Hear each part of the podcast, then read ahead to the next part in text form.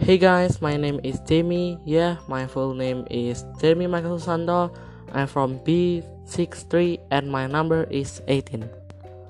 I am 13 years old. My school is in the YSKI in Sidodadi Street. I was born in Semarang 23 July 2007.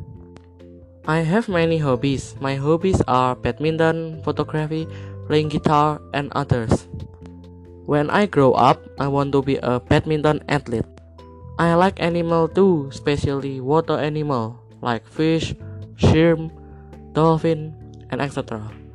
I like reptile too, like gecko, turtle, tortoise, and etc. And I like amphibians animal too, like frog. Yeah. Okay guys, thanks for listening me. Bye.